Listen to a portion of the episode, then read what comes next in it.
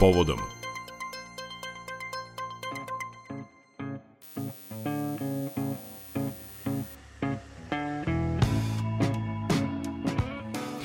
Juče se navršilo 20 godina od atentata na predsednika vlade Srbije Zorana Đinđića.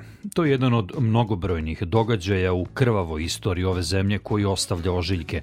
Ti istorijski ožiljci nikada potpuno ne zarastaju jer postavljaju pitanje Da li je Đinđićevo pogubljenje večna sudbina reformatora u Srbiji? Ubijen je od odmetnutih delova državnog sistema kojeg je želeo da menja.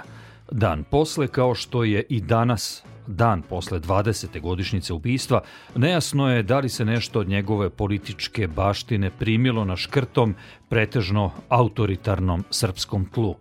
O tome kakav je Đinđić bio političar, kakva je bila zemlja, kakvi smo bili mi, govorimo danas u povodom. Gost Radio Novog Sada je e, svedok tog vremena, psiholog Mikloš Biro. Gospodine Biro, dobar dan.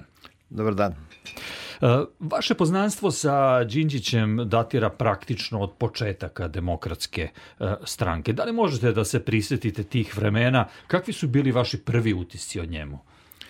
Pa, uh, on je bio jedan od razloga zašto sam se uopšte učlanio u stranku. A, to je bilo negde a, početkom godine, početkom 90. je na filozofskom fakultetu a, održan a, na promocija demokratske stranke. To je bila prva promocija a, nakon a, potpisivanja onih 13 a, osnivača i ovaj, govorili su Mićunović, Čavoški i Đinđić. Đinđić je tad bio sa Repićem i sa Minđušom u uhu ovaj, i e, pre svega taj e, njegov vrhunski intelektualni govor me oduševio i ja sam rekao to je to i momentalno sam se učinio u stranku. Dakle, privukla me ta, pre svega, e, vrhunska inteligencija koja je potpuno nesumnjiva. To sad mogu da kažem i ne kao svedok, nego i kao psiholog. Mm -hmm. On jeste bio uh, u rangu uh, genijalnosti i uh, uh, njegova ne samo inteligencija, nego sposobnost persuazije, sposobnost da ubedi uh, sagovornika u ono što on misli, ono što, što su njegove ideje, bilo je fascinantna. I on je bio svestan toga i vrlo često je primenjivao tu, uh, uh, tu debatu kao metod. On, on je imao, uh, tako je, mislim da je bio uveren da može bilo koga da oberlati. Mm. To je možda i bilo fatalno jer je išao kod ovih crvenih beretki sa idejom da on može da, da, da um caruje, slanga klada valja, pa da će on njih da ubedi, a oni su njemu polomili nogu i, mm -hmm. i ubili um. Tako da je to, mm. to, to je bilo ono što je bilo apsolutno vidljivo na prvi pogled.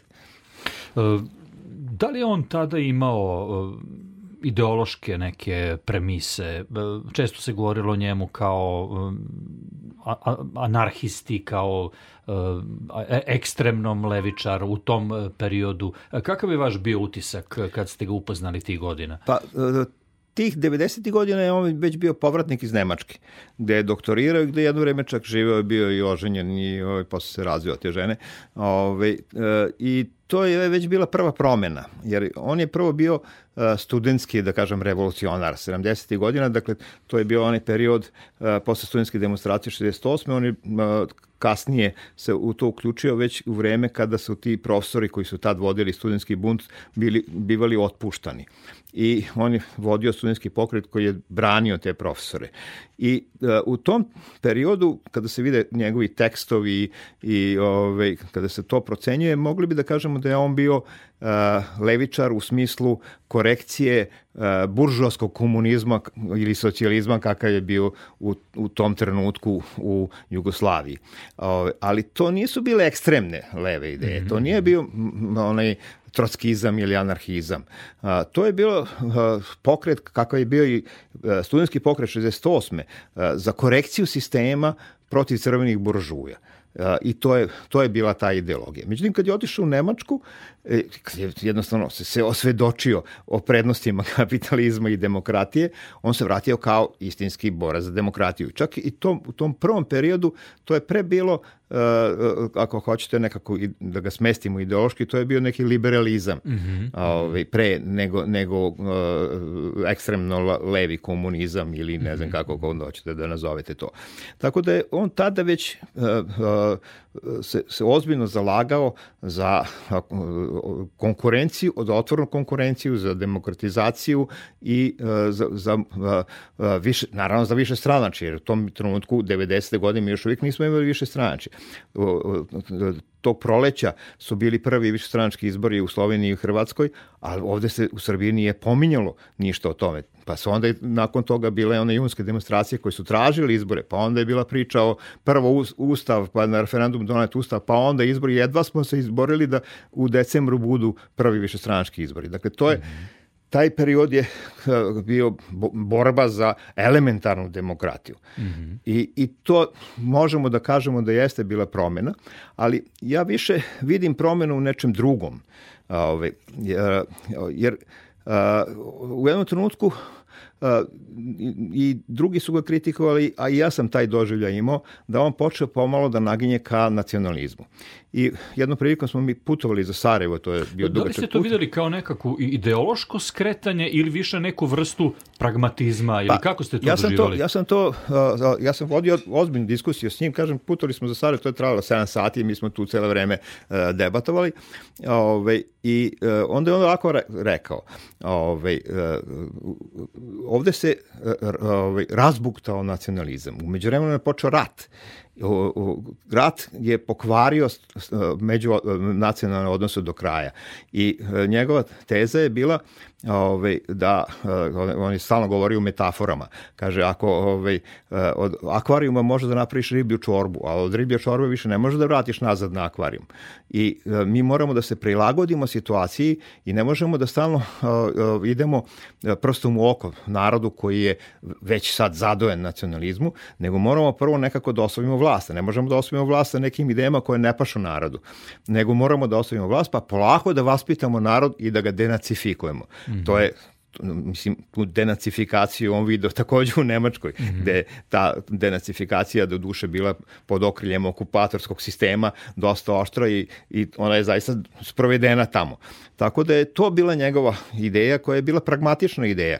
Daj da osvojimo vlast, ne možemo da ne, ne pričamo o, o, o, o srpstvu i o, o, o srpskom narodu i, i, i nekakvim idealima, nego moramo da se prilagodimo aktualnoj situaciji da bismo nekako osvojili vlast, pa onda da vaspitamo narod i da okrećemo stvar ka...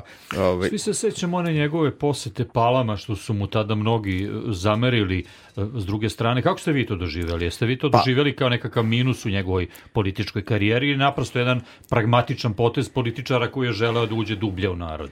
A, ja, ja koji sam, kako da kažem, nacionalno operisan, sam to doživeo kao uh, skretanje. Mm -hmm. Ove, ovaj, međutim, on je to objašnjavao, ja sam posle pričao sa recimo Žarkom Koraćem koji je ovaj, otprilike na isti način mislio kao i ja, a onda posle postao njegov potpredsednik i, i, i imao hvala sve. I ja ga pitan kakva je to promena kod tebe bila? Pa kaže, kad sam ga upoznao, shvatio sam da je to sve bilo pragmatič, pragmatična politika i da to što je išao na pala, na pale, da je on kao ozbiljan opozicioni lider morao da sazna šta ovaj Karadžić planira i kako, ka, kako kud, kud sve, sve to vodi i kad tad će morati s njim da sarađuje i da ga upozna i da je to bila ideja da nije bilo nikakvog vola. Ali ja sam to isto doživeo kao izdaju uh, modernih demokratskih ideja u, kom, u kojima nema mesta uh, srbovanju i, i, i tom nekom uh, pečenju vola. da, da. On je ipak nekako, čini mi se, više od intelektualaca bio prepoznat kao neko ko bi mogao da naravno u vreme dok je e, mogao politički da deluje. E, nažalost, tek kada je ubijen, e, on je skočio na neki 50% i više. 70. 70 čak, posto. Kasnije, kažu dan danas, mislim da sam slušao Srđana Bogosavljevića, yes, yes. se održava na nekoj nivou od 50% da je njegova politika bila prihvatljiva. E, kako to tumačite da on zapravo za života nikad gotovo ni u jednom periodu, čak ni u momentu ono kad je preuzeo vlast, možda da izuzmemo taj period, jer to je zaista bilo, možda nije bilo logično u tom trenutku meriti, ali zapravo nikad nije imao dublju penetraciju nekakvo biračko tkivo i ovaj narod. Pa, pa ste, uh, uh, demokratija je jedan komplikovani mehanizam i vi ne možete jednostavno da objasnite demokratiju uh, običnom čoveku koji nema nikakvog iskustva s demokratijom. Mi nismo imali, mi do, malte ne do dan danas jednim kratkim periodom od njegove vlasti od 2001. do 2003. mi nismo imali stvarnu demokratiju koja podrazumeva slobodu medija, koja podrazumeva ne, ne, ne, neuticanje sa, sa, od, od vlasti pravo, na pravosudni sistem. Dakle, da postoji neka ideja da, da, sam, da. da sam ja zaštićen od države i, i, to, i to, to je demokratija. I to je, to je, ja sam sad već potrošio tri, nisam ni do trećine stigao, već sam potrošio tri, četiri rečenice da to objasnim. S druge strane imate populiste koji kažu Karlobaga Virovitica, Kosovo je srce Srbije i sa tako jednostavnim parolama uhvate emocionalnu stvar, emocionalnu stranu čovjeka i privuku te birače. I to, to je jedan, problem sa, sa on, onima koji treba da prikažu nešto što je komplikovano i nešto što, uh, što zahteva jednu, jednu dugotrajnu operaciju stvaranja demokratije, vi ne možete to jednostavno da objasnite narodu, pogotovo kada on nema to iskustvo. To je jedan aspekt stvari. Drugi aspekt stvari što je on ipak bio uh, vrhunski intelektualac koji je uh, u jednom trenutku shvatio da on mora da koristi metafore da bi ga ljudi razumeli, jer ga inače ljudi ne razumiju. I onda kad je počeo da koristi te metafore, onda je postao uh, mnogo razumljiviji i popularniji i ja sam slušao nekoliko njegovih govora koji su bili stvarno fascinantni. Dakle, i menjao je i način kako je govorio. Jest. Tako. Ove, ovaj, I tu je, to, to je na vreme shvatio. Međutim, on je u toj svojoj racionalnosti i intelektualnosti bio kako da kažem, uh, pomalo uh, uh, uh, ne, ne, ne zažaren, e tako mm -hmm. da mhm. kažem. Šta je harizma? Harizma koja vuče masu. A, to je uh, uverenost u ono što govorite i emocionalna pratnja koja podrazumeva da ste vi uh, gorljivi, da ste, mm -hmm. da, da ste mhm. za, mislim, sećate se Hitlera kako je govorio, ovaj, to, u tome se stoji harizma. Verovo je ne, Koštunica koji je bio poprično uh, na prvi pogled zaravljen, imao veću harizmu zato što kad je govorio, on je govorio sa velikom uverenošću u ono što govori. Kod, Đinđić jeste bio uveren u demokratiju, ali ta, ta njegova, njegov način intelektualizacije je bio nešto što je malo sprečavalo da on dobije tu harizmu. Da, verovatno je i činjenica, to vi kao psiholog sigurno najbolje znate, na kraju krajeva istraživanja to pokazuju, mm -hmm. ono demonstratovo istraživanje da je ovaj narod pretežno autoritaran, da naprosto voli čvrstu ruku, da voli da neku u njegovo ime donosi E, odluke. Sećamo se Đinčićeve kampanje Srbije na dobrom putu u kojoj on pokušavao da motivacionim govorima dopre do običnih ljudi, e, da njima, u njima razvije uverenje da ako želimo da utičemo na sve da moramo da menjamo e, sami sebe. Koliko je on Đinđić zapravo razumeo ovaj narod? Da li on baratao sa svim tim podacima na način kako to danas ozbiljne istraživačke agencije se rade i, i, i političari? Pa, pa ste ta promjena koju sam govorio od onog uh, Đinđića sa Repićem i, i Minđušom do, do uh, čoveka koji se zalaže za neke nacionalne interese je pokazatelj da je on nešto naučio kakav je naš narod. Ove, I uh, taj period osvaranja demokratske stranke je stvarno bilo ove, duboko orejanje po celoj Srbiji. Mi smo, mi smo išli bukvalno svako malo mesto ove, i on, on je proputovao uzduž i popreko celu Srbiju i upoznao je taj narod. I shvatio je tu, nažalost, tu, tu autoritanost. Ta autoritanost se kretala od uh, nekih 60%, pa je u jednom trenutku nešto malo pala, pa se sad vraća ponovo na, na, na tih 60, 60%. Znači, dve trećine naroda hoće vođu, uh, uslovno rečeno, poštenog i pametnog vođu hoće, a neće institucije jer nema ni iskustva da su institucije štite pojedinca, nego se nada i mašta da će taj jedan veliki vođa biti zaštitnik i da će on moći da se žali uh, nekom uh, svojedobnom maršalatu, pa sad, sad Vučiću, mm -hmm. pa da će rešiti probleme preko tog vođa, a ne preko institucija. I to jeste, uh, uh, i, i ova, mislim, trenutna, da kažem tako, mitologizacija Đinđića je isto jedna, jedna stramputica. Jer šta se dešava?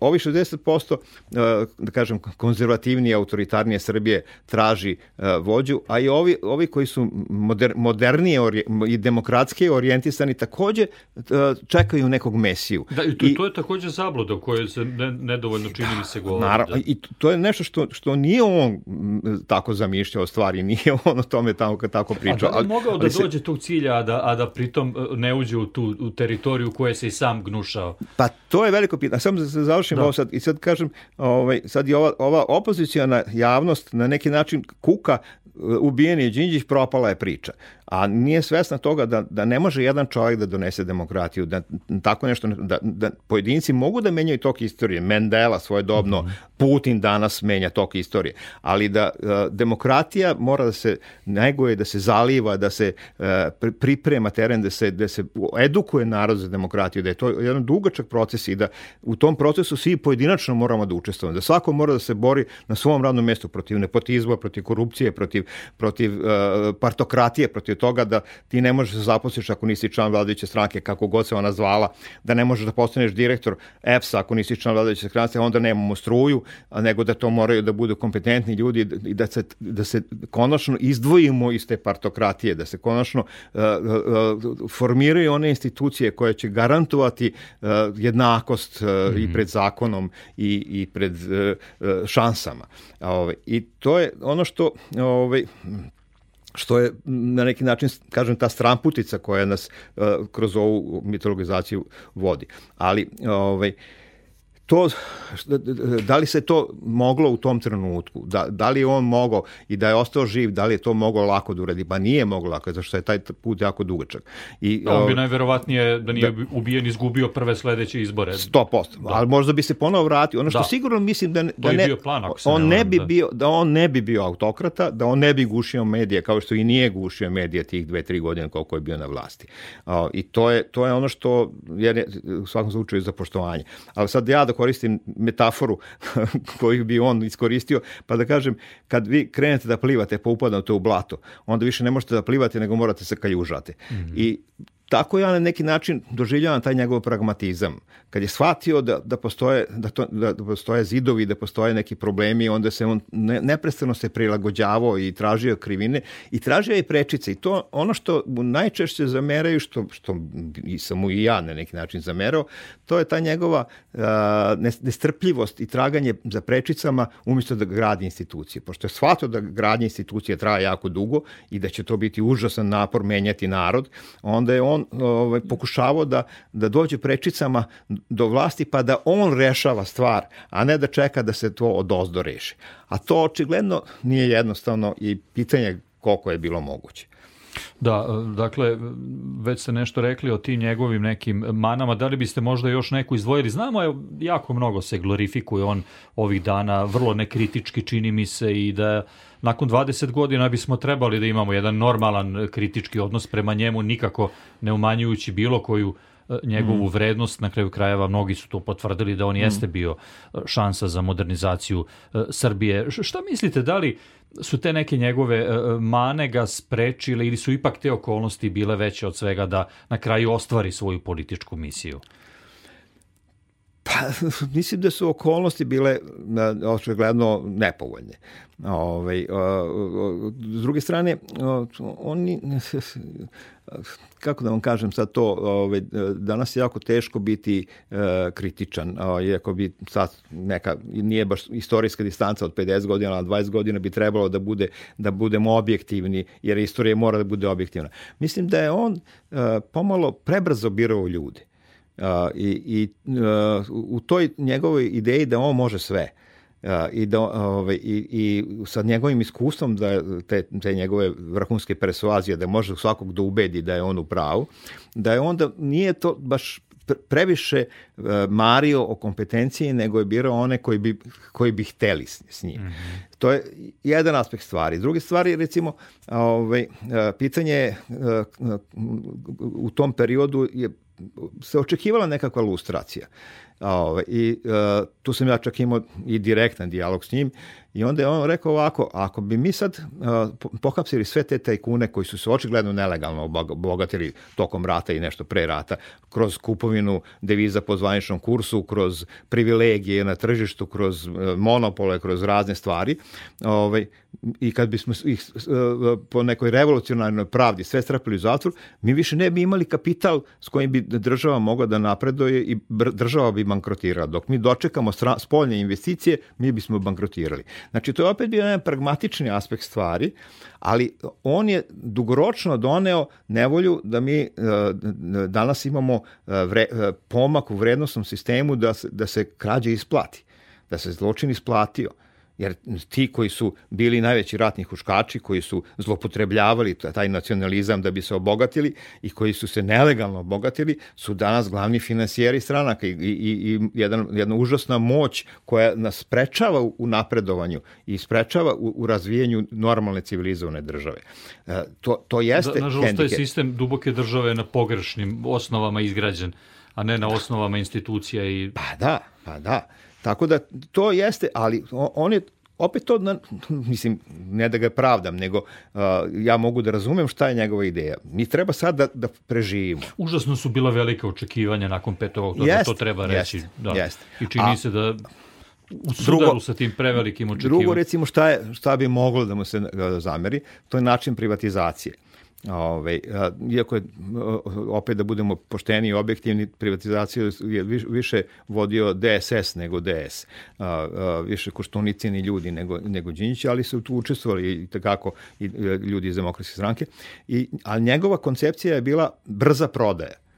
To je sve propalo, to je sve zastaralo, daj to da sve rasprodamo, a nešto se mora, moralo sačuvati, jer vouchersku privatizaciju koju su imali Slovenci i Česi je spasla neke firme i Tako. spasla ljude da ne izgube posao. A ovde su, e, M je urađena divljačka privatizacija, M niko nije kontrolisao zakonske obaveze tih koji su radili privatizaciju, da oni moraju da nastave delatnost, nego su oni jednostavno rasprodavali sve mašine, pretvarali zemljište u građansko zemljište, u skupo ga prodavali, uništavali te fabrike, otpuštali radnike i mi smo dobili jedan lumpen proletarijat koji onda glasao za radikale ove, i, i po, vratio nas uh, unazad uh, popričan broj godina. Mm -hmm.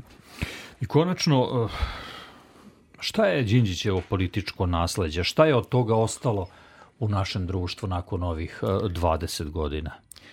Pa ostaje taj sentiment, mislim, i, i činjenica, uh, ta, ta sahrana je bila na neki način simbolična. Ljudi su na neki način od njega napravili tu ikonu demokratije i e, zapamtili su ga onako kako bi oni želeli da je on jeste i da, on, da, da je on bio. Ove, I e, to, to pokazuje da postoji taj potencijal za, za demokratičnost, za modernizam, za evropski put. Tako da to je za mene nešto što pretpostavljam još uvek postoji.